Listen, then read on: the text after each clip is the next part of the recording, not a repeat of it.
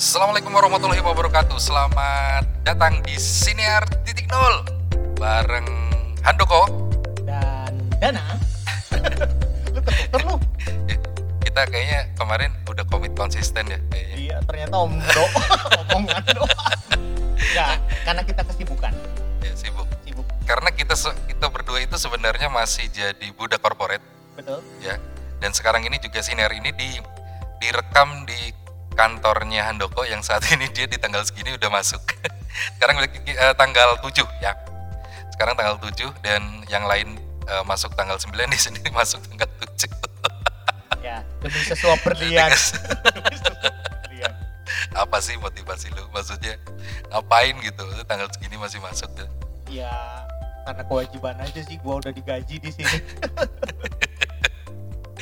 Ya, akhirnya eh, mungkin ini momen yang pas buat kita bikin konten di mana dia lagi gabut karena hari ini yang lain masih libur dan dia harus masuk. Oke.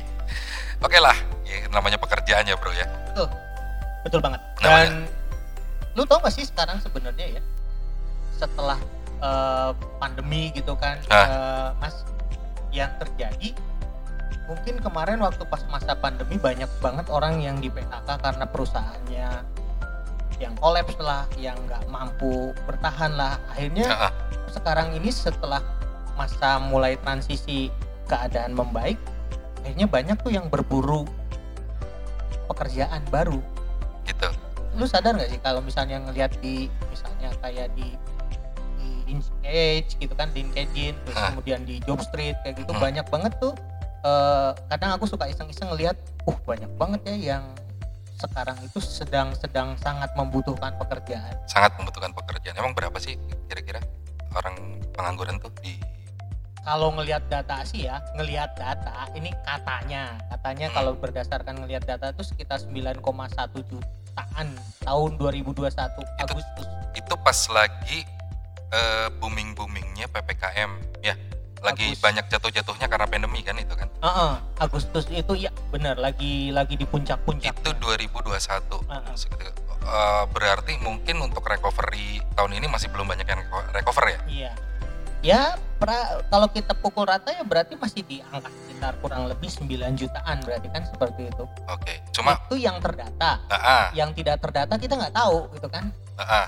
nah eh, di sinar ini kan memang kita ngebahas untuk hal-hal yang apa sih ya? Kita nggak ngomong masalah negara sih ya sebenarnya. Benar. Nggak ngomong ya. ngomong berdasarkan dari sudut pandang kita yang kadang nggak penting dan receh banget. Iya, receh, ya receh gitu. Sekarang nggak receh gimana? Lu tanggal 7 udah masuk kemarin nggak receh. Makanya daripada daripada gabut mendingan kita ngomong-ngomong aja sesuatu yang mungkin mungkin di luar sana eh, ada yang bisa mendapatkan inspirasi dari obrolan kita ini yang yang menurut kita ya nggak penting Eh, penting tapi amat. ada loh mas kemarin tuh waktu habis apa ya habis sholat id ya. Karena kan udah dua tahun kita nggak sholat id bareng kan di Mhm. di lapangan apa di masjid gede kan ya. Bener nah itu tuh ada loh aku balik sholat id itu ada orang naik motor itu pakai baju kerja loh dia kerja di hari itu. Saking karena memang eh, no choice atau gimana gitu kan. Cuma ngelihatnya aja ngelihatnya gimana lah maksudnya sedih amat gitu dari gue pernah pernah sih ngerasain. Mhm. gue dulu pernah tahun 2000 tahun 2009 2008 itu kerja setelah sungkeman berangkat kerja setelah sungkeman. Di hari pertama pernah. Emang rasanya nggak karuan sih makanya miris aja ngeliat iya. Terkadang kita yaitu untuk untuk mengerjakan sesuatu atau untuk mendapat bukan mengerjakan lebih tepatnya untuk mendapatkan sesuatu terkadang kita harus mengorbankan sesuatu. Nah mungkin itulah pilihan yang sebenarnya bukan pilihan sih. Mereka nggak ada pilihan sama sekali kan untuk kerja atau iya tidak gitu. iya. Berarti kan itu menunjukkan saking saking berharganya Nah. apa yang apa yang dia lakukan yang jangan sampai dia itu nggak nggak dapat gitu kan. Betul banget. Ngeri banget kan maksudnya sebegitu berharganya sebuah pekerjaan. Nah tapi ya di sini kita akan ngebahas eh, sedikit sih hal receh yang beberapa orang itu eh, nggak menganggap bahwa hal itu berharga gitu. benar banget Ada loh, ada loh, ada loh bro, gitu. Ada banget. ada ada orang yang yang ngelihat itu tuh pekerjaan itu kayak nggak kayak nggak kayak nggak serius aja gitu. Kalau menurut lu itu dari kalangan milenial ini atau justru dari semua kalangan sih bro yang Hmm. seum- seumuran kita gitu loh mas atau atau Emang umur lu berapa sih? gua udah tua gua udah tua kali karena kan kalau ngelihat gitu ya kadang tingkah pola orang-orang yang nggak semua gitu tapi uh, ada ada beberapa dalam tanda kutip ok- oknum gitu ya yang kadang aku ngelihat eh apa komunikasi dalam mencari pekerjaannya itu kok kayaknya vulgar banget gitu brutal barbar gitu. Barbar. barbar banget istilahnya gitu kan Oke, jadi emang di episode ini kita ngomongin pekerjaan, Hmm. terutama lowongan pekerjaan dan Lowongan dalam ini yang kita kita cermati adalah em, lo apa namanya? Kalau sekarang kan namanya ngelamar kerjaan nggak seribet dulu nih bro, benar ya kan?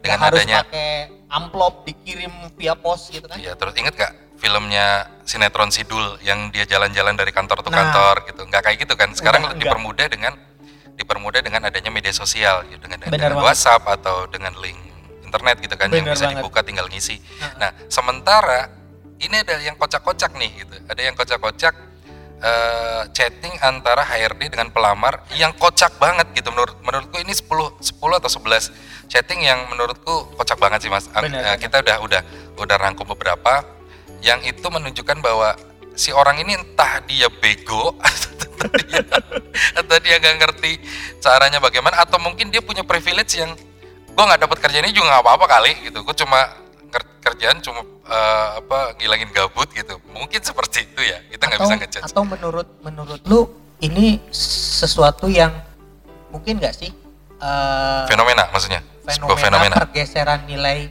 pergeseran nilai eh, apa ya generasi generasi muda kita gitu akibat dari perkembangan teknologi yang begitu canggih canggih dan dimudahkan banyak hal akhirnya dimudahkan jadi tetapi tidak diiringi dengan kemampuan untuk beradaptasi beradaptasi serta apa ya mendewasakan pikiran gitu dan perilaku gitu kan Oke, oke. Kita masuk chatting yang pertama. Nih, ya.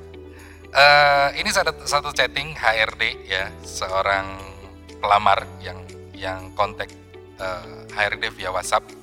Jadi dia ngomong per bulan berapa bos?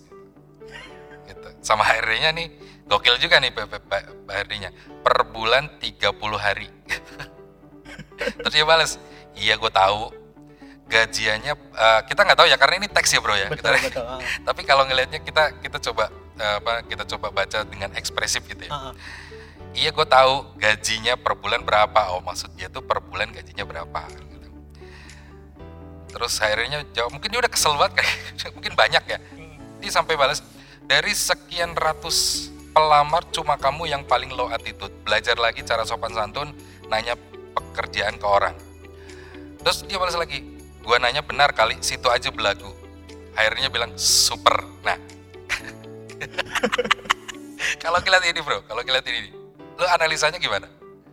nggak tahu nih orang lagi mabok apa sakau kali ya tapi tapi ini eh gue pernah dulu ya Nah. eh, ngalamin ini ngalamin ini ini ini cerita ya Eh, ngalamin gue pernah ngalamin di mana Hah? butuh orang untuk kerja Mm-mm. waktu itu adalah ya sebuah usaha gitu ya sekarang udah bangkrut gitu kan gue pernah tuh ngerekrut ternyata ada loh yang yang yang memang real seperti ini Ada ya Bahkan berarti mereka- pernah nemuin Ah. gini. bahkan mereka nge DM eh, ngechat gitu ya nggak tahu jam jam setengah dua pagi jam tiga M- mungkin itu saking butuhnya bro. Nggak tahu apa dia Mungkin mungkin lagi mabok mungkin bisa saking jadi. butuhnya gitu. Malam kan biasanya malam-malam gitu dini hari gitu ada seorang pengangguran yang merasa merefleksikan dirinya tahu-tahu gue harus berubah keadaan dengan dia harus ngelamar kerja sekarang juga. tapi ya tahu ya tahu waktu juga kali bro maksudnya gini gini loh mas jam setengah dua pagi dia kirim dan tahu apa kalimat pertama bukan selamat pagi atau apa tapi ping ping ping ping sampai berkali-kali.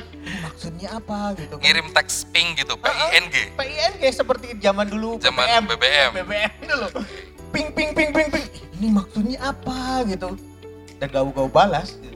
Dan itu kenyataan. Nah tapi menurut lu ini bro gua ingin agak sedikit agak sedikit berat ngomongnya. Menurut lu Nah, eh, para pelamar yang seperti ini sebetulnya mereka tahu nggak sih bahwa apa yang dia lakukan itu ya out out of the box ya. Nah, tapi nanti dulu, nanti dulu nih ya. Ah. Kita kan ngeliat konteksnya dulu nih. Ah, Bisa jadi itu memang pekerjaan yang eh, mungkin, mungkin eh, sifatnya itu bukan pekerjaan formal dari company yang besar, mungkin ya, Hmm. mungkin ya. Em, mungkin ini sebuah komunikasi pekerjaan yang biasa dilakukan oleh misalkan seorang pemborong yang nyari eh, apa namanya, nah, nyari kuli buat kuli buat bangunan uh, kuli bangunan bangunan. buruh bangunan Hmm. bisa jadi seperti itu karena mungkin komunikasinya sudah sudah terbentuk seperti itu. Informal ya jadinya. Jadi dia cuma tutup poin uh, gaji kayak misalkan kita kita kita ngeliat ini aja deh. Kita ngeliat dari chat yang tadi kita analisa aja. Iya. per bulan berapa bos? Gitu. Ini nggak mungkin pasti ini company besar nggak mungkin kan? Betul betul. Nggak mungkin misalkan lo uh, ngelamar kerja di uh, apa namanya apa namanya perusahaan rokok besar misalkan terus lu bilang per bulan berapa bos? Mungkin bisa jadi dia ngelamar ke ke mandornya mungkin. Bisa jadi mandor. Kan gitu mungkin bahasanya seperti itu. Iya. cuma kalau dari bahasanya si HR-nya eh, kalau saya kutip nih dari sekian ratusan pelamar cuman kamu yang paling low attitude. Belajar lagi cara sopan santun nanya ke orang.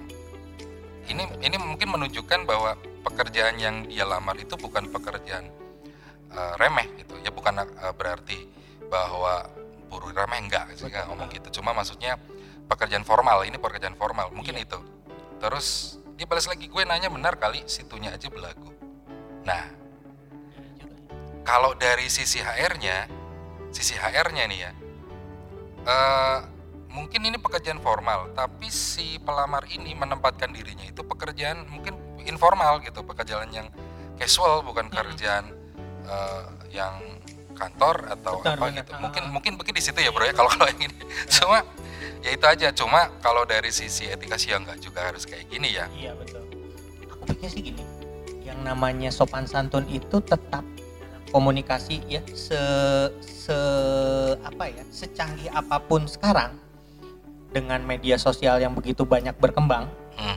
menurutku komunikasi yang sopan santun yang eh, ibaratnya renyah, yang Hmm. yang apa yang enak itu tetap penting loh mas menurutku gitu loh. Walaupun misalnya gini gue nggak agak nggak setuju nih walaupun misalnya lu bilang tadi Hmm. ini misalnya sektor yang informal. Informal pun tetap loh sopan santun itu ada menurutku gitu gitu. Nah balik lagi ke yang tadi kalau menurut lu gimana nih? Maksudnya apakah karena ada pergeseran nilai itu orang-orang itu jadi sudah sevulgar itu to the point bisa jadi, tapi kan kita tidak bisa menyimpulkan dari satu chat nah ya. Makanya betul. chat selanjutnya, nih? chat selanjutnya. Jadi si pelamar ini eh karena sepotong ini ya. eh, si pelamar ini nge apa namanya nge kirim direct message ke HR. Jauh interviewnya bapak atau ibu. Garis miringnya bapak, garis miring ibu ya. Jauh interviewnya bapak ibu ya. Dibalas sama HR-nya di daerah Selipi kok mas. Terus dibalas lagi, setelah interview memang nantinya langsung kerja Bapak Ibu. Dijelaskan lagi sama HR-nya. Apabila lolos interview satu, proses selanjutnya akan dilanjutkan dengan interview user terlebih dahulu. Standar lah ya bro ya. Mm. Kan gitu biasanya kan Iya, interview pertama ada. HR sama user. Berarti kan ini eh, perusahaan ini kemungkinan perusahaan cabang ya. Iya, Ya, cabang bisa. yang bercabang gitu banyak Betul. gitu kan. Atau bisa jadi dia eh, perusahaan outsourcing juga bisa jadi. Bisa jadi Hmm. karena dia bahasanya pakai user kan. user. Masih ini sih masih sampai sini tuh masih masih masuk akal. Oke lah. Eh, terus selanjutnya si pelamar ini bikin bikin kaget nih. Ribet bapak ibu ya mending saya ngelamar jadi polisi sekalian mending saya ngelamar jadi polisi sekalian. Ya udah kalau memang dia jadi polisi kenapa nggak jadi polisi aja Iya. sekalian? Eh tapi menurut tuh ini beneran terjadi nggak sih di dunia nyata? Ada nggak sih ya orang-orang kayak gini ya? Ada. Iya ada. seperti yang tadi gue Nih, ceritain kerjaan gue kan sekarang nih di di di di, di, di level manajerial nih bro. Ya jelek-jelek ini gue di posisi manajer manajerial dan gue banyak ngalamin hal kayak gini ya. Yang orang lamar kerja itu dengan orang normal itu pakai assalamualaikum selamat siang atau shalom atau apa pun Mm. dia cuma P. Ada nih kaum kaum P. Gue ngomongnya kaum P. Soalnya kalau kalau dia mengalam me- mengawali sebuah komunikasi itu dengan P gitu dengan harapan apa sih dikirim P? Benar. Makanya kan langsung gak aku respon karena cuman P. Terus dia kirim lagi P. Apa Arti- sih maksudnya? artinya apa juga ya? Bingung juga kalau kalau menurutku itu sih kayak ping gitulah kayak Hmm. ping gitu cuman kalau di BBM kan ping itu memang ada toolsnya ada ala ada ada menunya. Jadi Iya, memang si si handphone itu akan akan keluar notif notif bergetar gitu gitu kan kan, ya. ping gitu. Eh, pang, notif panggilan kan Iya, betul. maksudnya.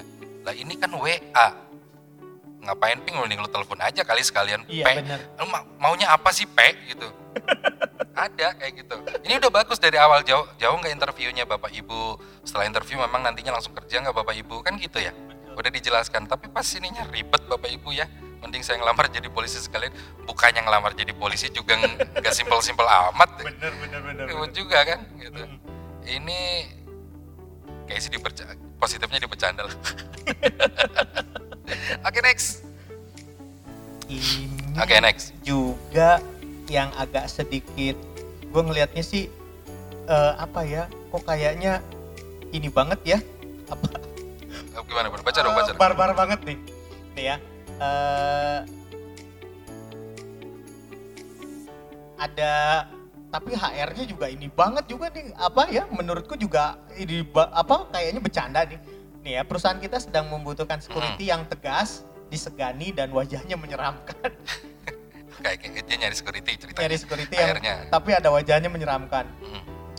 terus eh, dijawab nih waduh temen saya nggak ada yang laki pak gitu kan. Berarti temennya perempuan semua mungkin. Nggak ada yang laki. Tapi saya punya rekomendasi orang yang sangat mengerikan saat sedang marah. Mantap siapa orang itu? Kata si yang cari kerja ini ya emak saya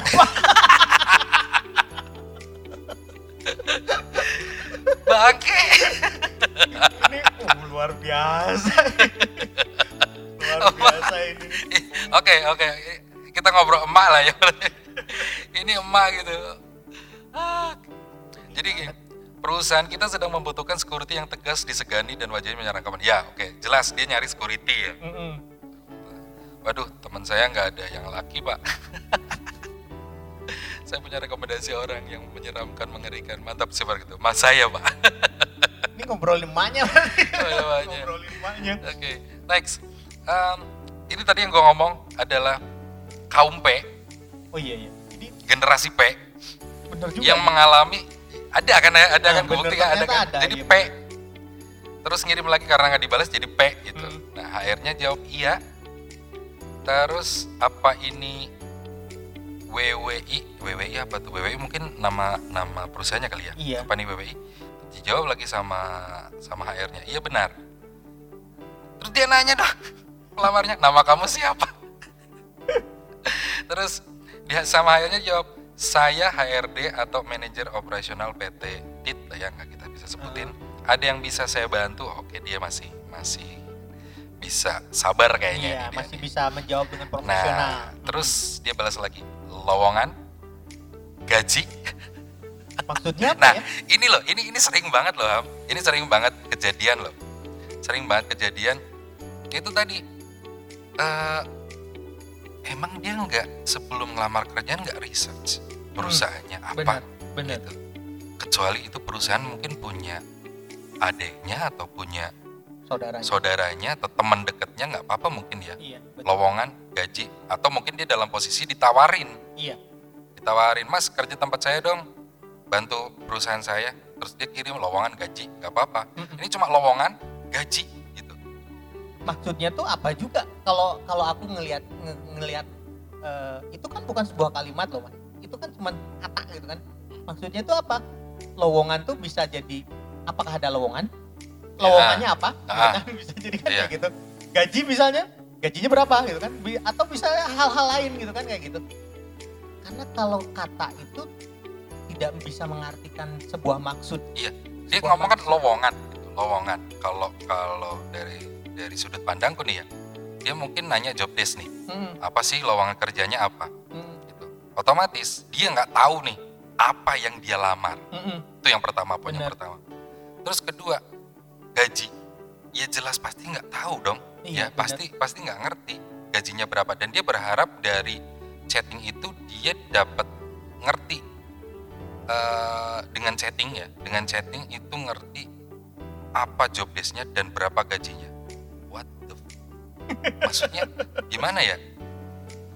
Lu ngelamar gitu ngelamar. Sama aja kalau misalkan kita analogikan gini lu ngelamar cewek nih bro. Mm. ya kan? Lu ngelamar cewek.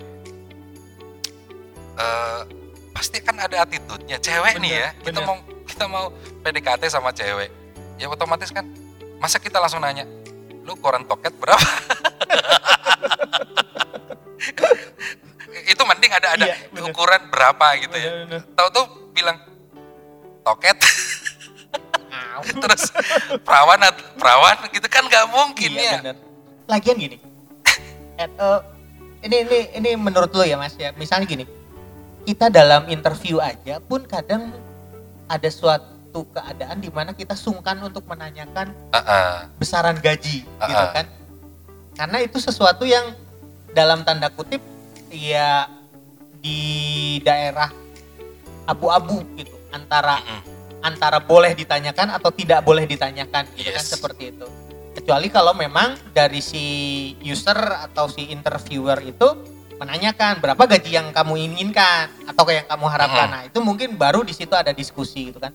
Tapi kalau untuk menanyakan langsung sepertinya kayak hal yang tidak etis saja kalau tidak disinggung da- dari awal. Apalagi ini melalui chat gitu yang tidak langsung langsung tatap muka gitu kan. ini ini aja baru berapa chat yang kita baca aja udah udah udah udah udah banyak banget yang dibahas. Terus endingnya gimana nih mas? Menurutmu mas Danang? Enggak enggak. Nih, ini ada lagi nih, ada lagi. Bahasanya bener. Ini ini ini ini salah satu contoh lagi. Sekali lagi nih. Soalnya gue baca baca baca lagi banyak banyak banget sampelnya itu yang ada bikin emosi nih lama-lama nggak lucu lagi emosi nih. Ini ada nih. Selamat pagi kak.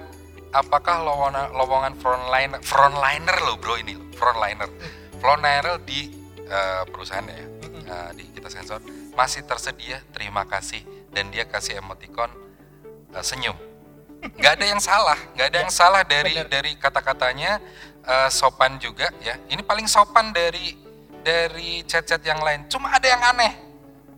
Yang aneh dia kirim itu jam setengah satu. Setengah satu malam dini hari. Frontliner loh bro. Gitu. Maksudnya what the hell gitu. Ini kadang gue mikir gue pernah oke lah gue nggak mau- mau baca lagi karena ada agak sedikit emosi ya. Karena kita em, karena gue jadi melihat ke belakang pada saat gue ngelamar pekerjaan bro. Gue nggak pernah yang kayak gini apalagi dari SMS ya dulu zaman SMS Bener. BBM nggak pernah gue namanya kerjaan itu ngelamar dari situ.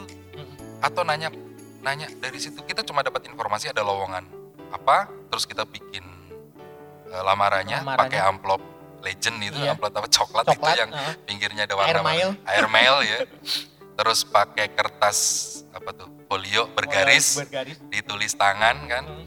Eh, kadang dulu dulu masih pakai apa tuh namanya tuh eh, kurikulum vitae riwayat hidup yang bisa Iya. dibeli di fotokopian ingat gak? fotokopian tinggal ngisi. tinggal ngisi Ah, ada bener. gitu terus eh, ada fotokopi KTP ijazah terus foto pas foto kan gitu itu effort ya Bener. dan kita kita dari kita ngurusin itu aja kita udah tahu itu yang mau kita lamar apa Bener. Iya kan Mm-mm. udah lamar habis itu kita datang ke HRD-nya gitu boro-boro HRD bahkan kita cuma ketemu sama security, Security bener gak? doang. Bener. kita kasih ke security Iya. atau mungkin kita posin Bener. yang kita nggak tahu itu bakal dibaca diterima atau apa kita nggak ngerti Atau jangan-jangan malah masuk tempat sampah gitu. Nah, kan nggak ngerti. Bener. Lah ini dari chat, dari chat udah dipermudah gitu. Mm-mm. Gitu. Rasanya pengen nampar. Eh tapi iya ya, ada memang semakin canggih teknologi sekarang itu jadinya makin dipermudah tuh betul-betul dipermudah. Dulu untuk effort kita dapat kerja itu kan rata-rata minimal email lah ya, Hmm, dikirim lewat email ya kan. Tapi juga menurutku gini mas, ternyata ada sisi buruknya juga dari perkembangan teknologi sosial kayak gini ya Iya, sisi buruknya ya itu tadi gitu loh orang-orang Eh, jadi ah. ngerasa ah lu nggak bakal tahu gua ini gue tanya aja ke yang semau gue gitu kan oke. Berarti dia dia semacam apa ya kayak kalau bagus ya gue terusin ngobrol, kalau nggak bagus ya ya udah gitu. Heeh, Jadi gitu. nggak ada nggak ada nggak ada kayak nggak ada tanggung jawabnya aja gitu. benar Maksudku benar kalau misalkan kita main logika aja dia butuh gitu. Maksudnya kita kan butuh kerjaan. Mm-mm. Kecuali dia punya privilege Mm-mm. eh, apa namanya balung sugih kalau bahasa kita nggak apa-apa gitu. Cuma kalau memang dia butuh kerjaan, kayaknya sih harusnya nggak sampai situ. Ini Iya, entah benar. yang jadi masalah entah mindsetnya atau apa nggak ngerti. Yang Hmm. jelas kemajuan teknologi ini berimbas seperti itu. Jadi ada kaum kaum seperti itu. benar Tapi ada juga loh yang maksudnya malah jadi jadi bagus banyak gitu banyak, banyak juga. banget banyak Cuma banget. yang akhirnya jadi mereka yang nggak bisa berubah beradaptasi, ya jadinya seperti itu tuh gitu. Hmm. Kelihatannya kayak gitu.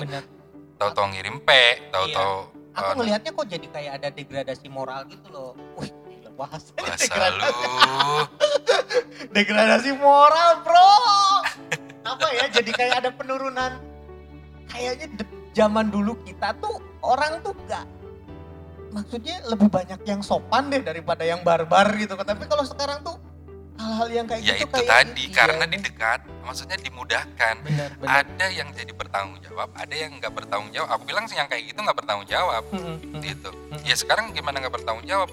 Tahu-tahu nanya HR, HR apa lowongan gaji. Lo maksud lu apa? Gitu. Eh ini kalau misalnya dibahas lagi ya lebih panjang lagi ini bisa ngerembet ke mana-mana nih misalnya bisa jadi apakah karena pendidikan moral kita yang semakin gak bener apakah karena pendidikan sekolah kita yang kurikulumnya makin gak bener jadi anak-anak muda bikin kayak Ah. gini ataukah lingkungan yang membuat mereka kayak gini ataukah pendidikan dari keluarga mereka yang seperti ini Oke. ataukah pendekatan agama yang gak bener gitu kan Uh, luar biasa bisa Bisa banyak banget. Bisa Ya, banyak cuma banget cuma ya. gini, kita nggak mau ngejudge karena eh, kita melihat dari sisi kacamata kita dulu ya. Mm-mm, dulu kita karena mah orang Iya kita ngelihatnya ya hanya sebatas pemikiran kita gitu karena kan, kita bener. udah pernah melewati hal-hal yang yang konvensional yang Mm-mm. memang bener-bener kita emang butuh kerjaan kata ya udah pekerjaan itu kan hal duniawi nggak perlu harus di, di- iya betul betul gitu. Bukan hal yang harus di cuma kan harus ada etikanya. Betul. Itu jangan jangan maksudnya harus ada effortnya. Betul. Masa sih? Harus ada juga apa ya ungguh-ungguhnya. Unggah-ungguh unggah gitu. ungguhnya gitu Ha-ha. benar. Ya sopan santunnya lah ibaratnya kayak gitu.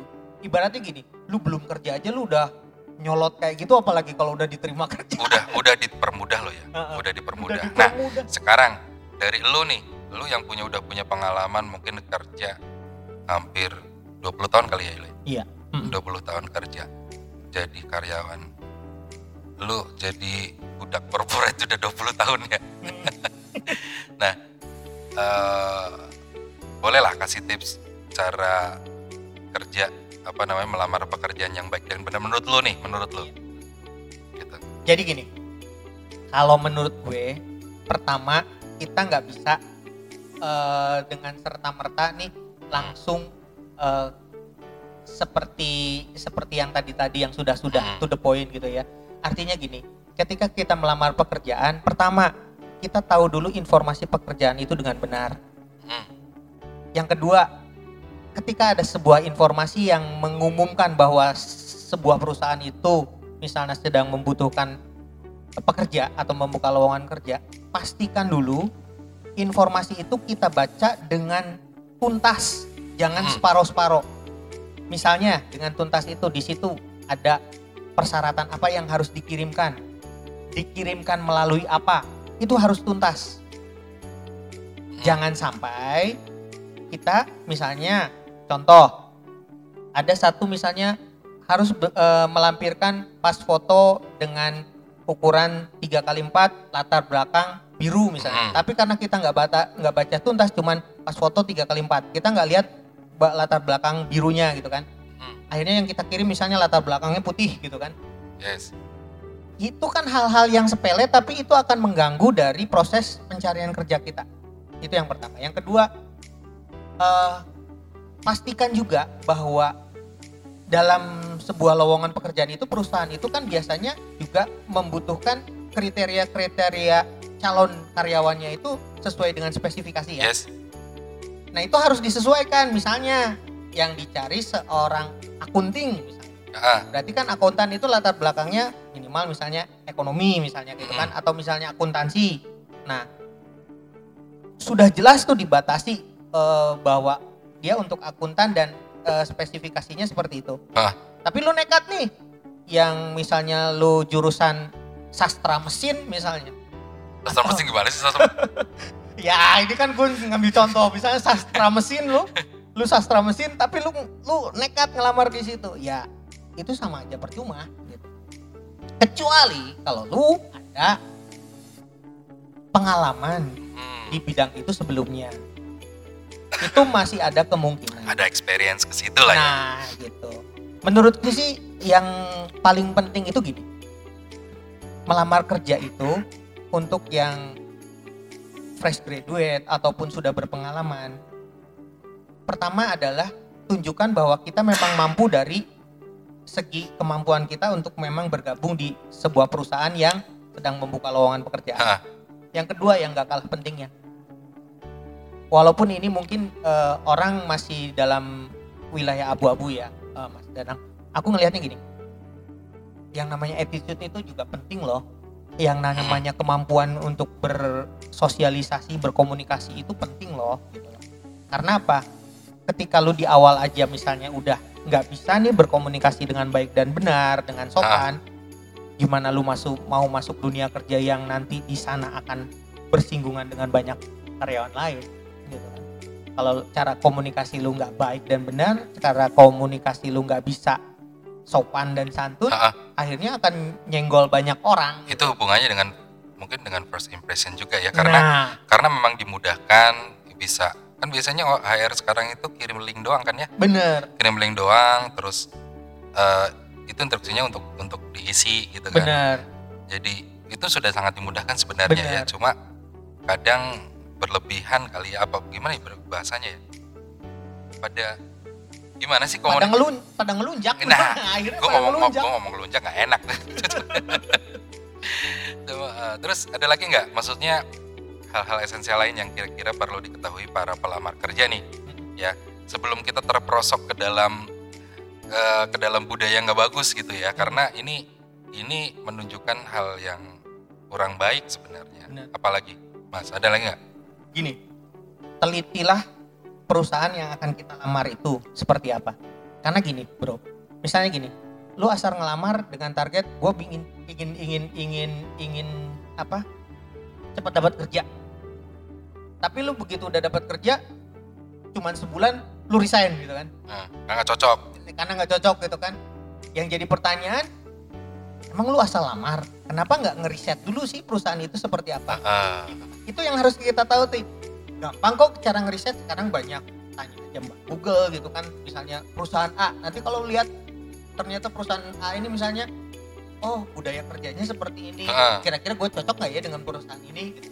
itu kalau kalau perusahaannya masuk timbah Google kalau perusahaan lokal yang nggak masuk timbah Google mungkin bis agak sulit memang. Itu jujur agak sulit memang. Tapi kita bisa eh mencari tahu ketika ketika proses interview boleh nanya kan sebenarnya? Sebetulnya boleh nanya. Boleh banget boleh nanya banget, gitu. Iya, boleh banget. Misalnya ketika interview eh, bisa menanyakan job desk saya seperti apa, nah. Kemudian area tanggung jawab saya seperti apa, itu bisa bisa ditanyakan hal-hal seperti itu. dan mungkin generasi sekarang agak sulit untuk eh, apa namanya eh, berkomunikasi ke situ mungkin ya. Kemampuan komunikasi ini juga yang sebetulnya harus dibangun. Eh tapi nggak juga bro, kalau juga. misalnya dia di sekolah misalnya sudah terbiasa ini juga nih tapi lari ke pendidikan nih bro eh, aktif Lama organisasi kayak gitu gitu Ah, ya juga sih bener Lam- juga sih. lama lagi nih Lama bisa lagi, obrolannya melebar lagi masalah pendidikan ya lagi, ya, bener. Oke, oke. Yang jelas, yang jelas udah banyak eh, apa namanya eh, tips lah ya, bagaimana cara melamar kerja yang lebih baik. Yang jelas kita jangan sampai baca setengah-setengah ya, Benar. sepakat kan ya. Nah, jangan baca setengah-setengah informasinya. Kemudian dilanjutkan dengan research yang Yang- memadai, yang memadai yang memadai. Kemudian kita baru lakukan eh, action lah ya, Iya, kita lakukan betul. melamar, melamar pekerjaan. Eh, karena ya mungkin selama ini mungkin orang banyak tebar jaring kali ya bro ya Nah gitu. Terkadang mereka tuh gini, yang penting gue ngelamar dulu. Kadang mereka nggak ngeliat tuh back, back, background uh, pendidikan dia, background pengalaman kerja dia, kemudian di, uh, dengan sebuah lowongan yang dia dapatkan informasinya gitu kan, main asal lamar, lamar, lamar gitu. Padahal itu kan akhirnya ya akan jadi buang-buang waktu. tapi kebanyakan sekarang kayak gitu bro kebanyakan kayak gitu karena nggak ada yang sesuai dengan kapabilitas dia nggak ada yang sesuai dengan eh, latar belakang pendidikan adanya yang itu Mhm. yang beda ya udah lamar aja tapi kan bukan berarti dia itu nggak ngeriset dulu apakah kemampuan dia itu mampu untuk mengikuti eh, nanti yang apa yang dia hadapi gitu. Rata-rata kan seperti itu kan Nah kalau misalnya orang yang seperti itu, yang lamar seperti itu tuh bagus, artinya dia punya kesadaran, punya iya kesadaran kan. Ah, dan syukur-syukur dengan kesadaran itu dia bisa update tuh kemampuan dia. Yang jadi masalah kan kalau misalnya asal lamar apalagi dengan kasus yang tadi yang kita bacain Aha. beberapa gitu kan itu udah jadi apa ya itu udah jadi gue sampai kehabisan kata-kata Oke. ngomongnya Oke oke oke oke oke thank you Am. Yang jelas jangan jadi goblok dalam melamar pekerjaan. tetap eh, tetap apa namanya lakukan namanya orientasi diri dan juga orientasi pekerjaan. Research yang betul, jangan baca setengah-setengah dan jangan ngomel-ngomel kalau dibalas sama HR-nya agak ketus ya karena mungkin HR kadang-kadang agak ketus karena memang dia banyak menghadapi case-case yang seperti itu kali ya. Dan iya. dan itu jadi salah satu ini juga loh aku nggak nggak ngebela HR ya. Eh, memang kadang-kala ada yang ada yang eh, ngebalesnya itu cuma singkat apa segala macam. Tapi itu mungkin untuk me- menyaring ya mungkin untuk Betul. menyaring juga proses Hmm. penyaringan juga. Ini orang beres atau enggak kan gitu. Betul betul. Ya em, semoga tahun ini banyak banyak pelamar kerja dan banyak pelamar kerja dan banyak perusahaan yang pelamar kerja sehingga eh, tingkat pengangguran di Indonesia bisa turun. banyak orang yang lebih makmur Ya. banyak orang yang akan lebih sukses dalam tanda kutip gitu kan Ya. artinya sukses menurut eh, penilaian masing-masing orang nah, karena sukses kan beda-beda ya pernah kita bahas di siniar yang dulu Ah. mudah-mudahan semua yang job seeker sekarang Bisa langsung dapat terima kerja tahun ini. Amin. amin amin Dan thank you. Eh, semoga kita jadi eh, generasi yang siap dengan perubahan, generasi yang siap kreatif dan syukur-syukur bisa jadi penyedia lapangan pekerjaan. cerdas Cerdas. Oke, thank you. Mungkin itu aja karena udah lebih dari 30 menit nih kayaknya. oke deh Ya, oke. Eh, sampai ketemu lagi di senior titik nol selanjutnya bareng Danang dan juga Andoko mohon maaf bila ada kata-kata kita yang memang eh, keluar itu dari mulut kita keluar dan begitu tidak aja. Karena memang kita komit nggak akan kita edit, betul nggak sekali akan kita potong. Betul Pokoknya apa sekali. adanya aja. Apa adanya. Jadi mohon maaf bila ada kata-kata kita yang memang kurang berkenan dan itu memang eh, sebatas dari kemampuan dan cara pandang kita. Oke, terima kasih. Sampai ketemu lagi di episode selanjutnya di Senior Titik Nol. Bye bye.